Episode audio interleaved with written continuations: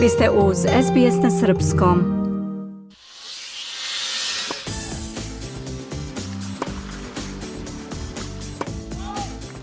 Otvoreno prvenstvo Australije u tenisu ušlo je u drugu takmičarsku nedelju kada na terenima u Melbourneu ostaju uglavnom oni najbolji u svim konkurencijama – Plasmanom u četvrt finale kod muškaraca prvi je obezbedio aktuelni šampion Novak Đoković i to sigurnom pobedom protiv Adriana Manarina.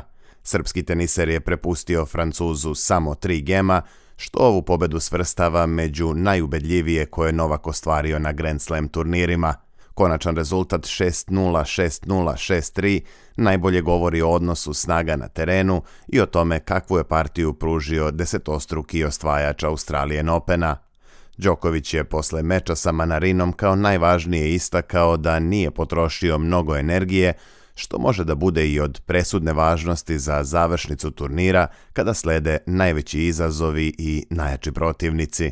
U četvrtfinalu koje sledi sutra u utorak 23. januara, srpski teniser će se sastati sa Taylorom Fricom iz Sjedinjenih država. Fric je priredio iznenađenje pošto je u četvrtom kolu eliminisao prošlogodišnjeg finalistu Stefanosa Cicipasa sa 3-1 u setovima. Čini se da je Amerikanac do pobede stigao i lakše nego što se očekivalo, a naročito siguran bio je u trećem i četvrtom setu, oba je dobio rezultatom 6-3.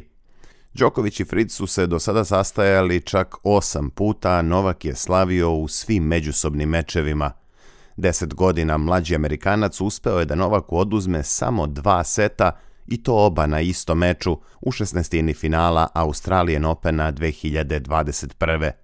Đoković kaže da dobro poznaje narednog rivala i veruje da će sutra uveče protiv Frica produžiti niz pobeda. A nedeljni mečevi na terenima u Melbourne parku pokazali su i ko je najozbiljniji Đokovićev izazivač u gornjoj polovini žreba – Italijanski teniser Janik Sinner plasirao se u četvrt finale također na nadmoćan način.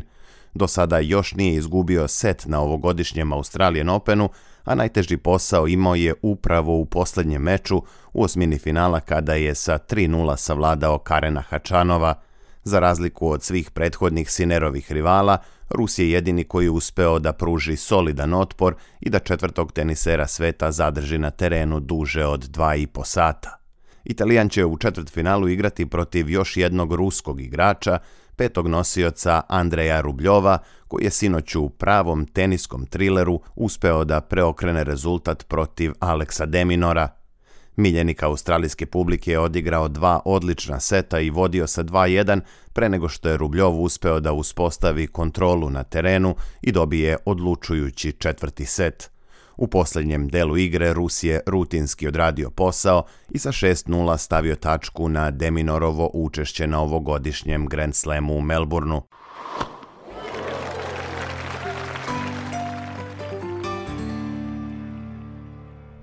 Na muškom turniru danas se igraju preostali mečevi osmine finala. U toku je duel između trećeg nosioca Danila Medvedeva iz Rusije i Portugalca Borgesa, a počinje i meč u kojem se sastaju poljski teniser Hubert Hurkač i Francuz Kazo.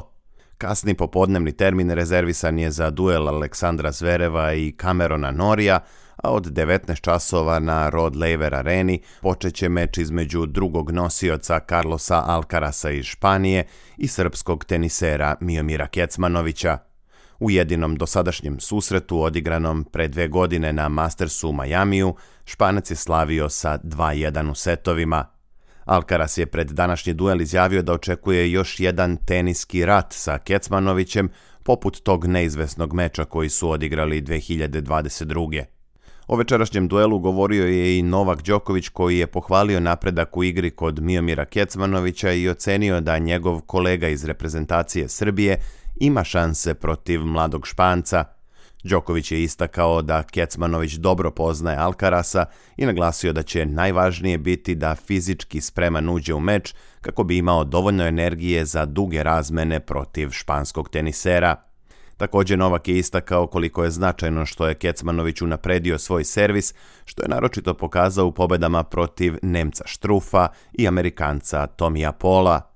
Važno je da dobrim servisom osvaja takozvane lake poene i da time Alcarasu oduzima vreme i da mu ne dozvoli da se razigra, rekao je Đoković, ali i naglasio da su to sve taktičke stvari koje Kecmanović i njegov tim već dobro znaju, uz napomenu da je mnogo lakše nešto reći i planirati nego to izvesti na terenu, naročito protiv tako kvalitetnog igrača kao što je Carlos Alcaraz.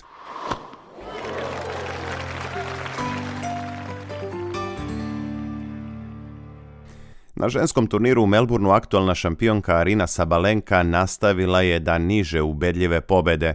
Beloruskinja je sa 6-3-6-2 savladala Amerikanku Amandu Anisimovu i u četvrtfinalu će se sastati sa Barborom Krejčikovom. Čehinja je u nedelju posle velike borbe uspela da eliminiše najveću senzaciju ovogodišnjeg Australian Opena, 16-godišnju Ruskinju Miru Andrejevu sa 2-1 u setovima – Poznat je još jedan par ženskog četvrtfinala. Amerikanka Coco Gauff će se sastati sa Martom Kostjuk iz Ukrajine. Obe teniserke su bile ubedljive u nedelju. Goff je savladala Magdalenu Freh iz Poljske sa 6-1-6-2, dok je Kostjuk sa 6-2-6-1 bila bolja od kvalifikantkinje iz Rusije Marije Timofejeve. Ostali mečevi ženskog turnira igraju se danas. Bio je to pregled dešavanja na Australian Openu 9. takmičarskog dana u Melbourne Parku. U nastavku ćemo čuti nekoliko najznačajnijih vesti iz ostalih sportova.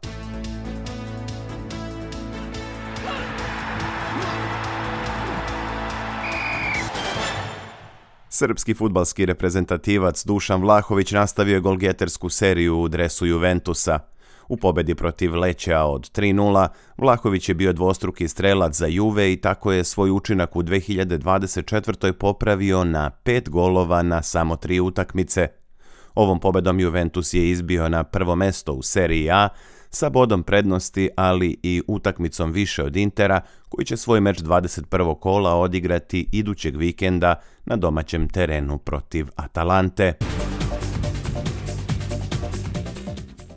Futbaleri Wellington Phoenixa odbranili su prvo mesto na tabeli Australijske A lige pošto su u derbiju 13. kola odigrali nerešeno protiv Melbourne Victoria 1-1. U duelu vodećih ekipa prvenstva, Victoria je imao prednost na Novom Zelandu golom Conora Chapmana od 79. minuta, ali je u nadoknadi vremena dosuđen penal za domaći tim koji je realizovao Alex Rufer – U ostalim mečevima odigranim ovog vikenda najubedljiviju pobedu zabeležio je Sidney koji je na domaćem terenu savladao Newcastle Jetse sa 4-0. Iznenađenje kola predstavlja pobeda Perth Gloria protiv Wanderersa iz zapadnog Sidneja 2-1.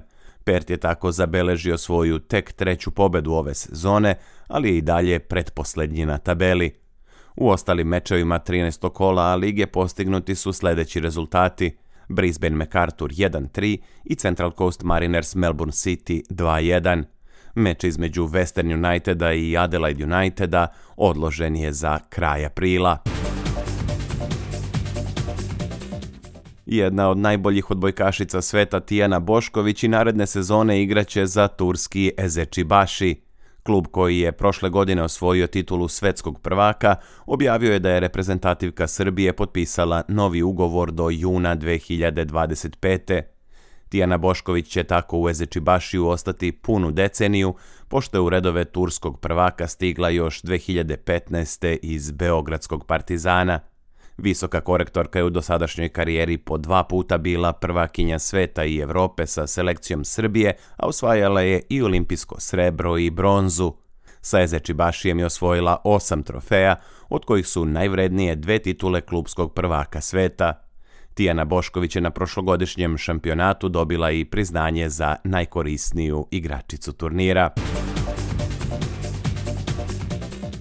Košarkaši Crvene zvezde učvrstili su se na prvo mesto u regionalnoj ABA ligi pošto su u meču 17. kola ubedljivo pobedili FMP sa 87-54. Zvezda sada ima 15 pobeda i 2 poraza i daleko je ispred budućnosti Olimpije i Partizana koji su ostvarili po 12 trijumfa. Partizan će večeras imati priliku da smanji zaostatak za liderom ukoliko na domaćem parketu savlada ekipu Mege.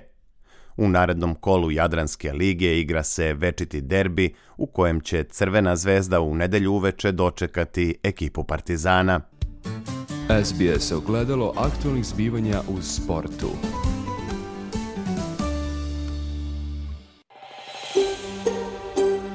Želite da čujete još priča poput ove?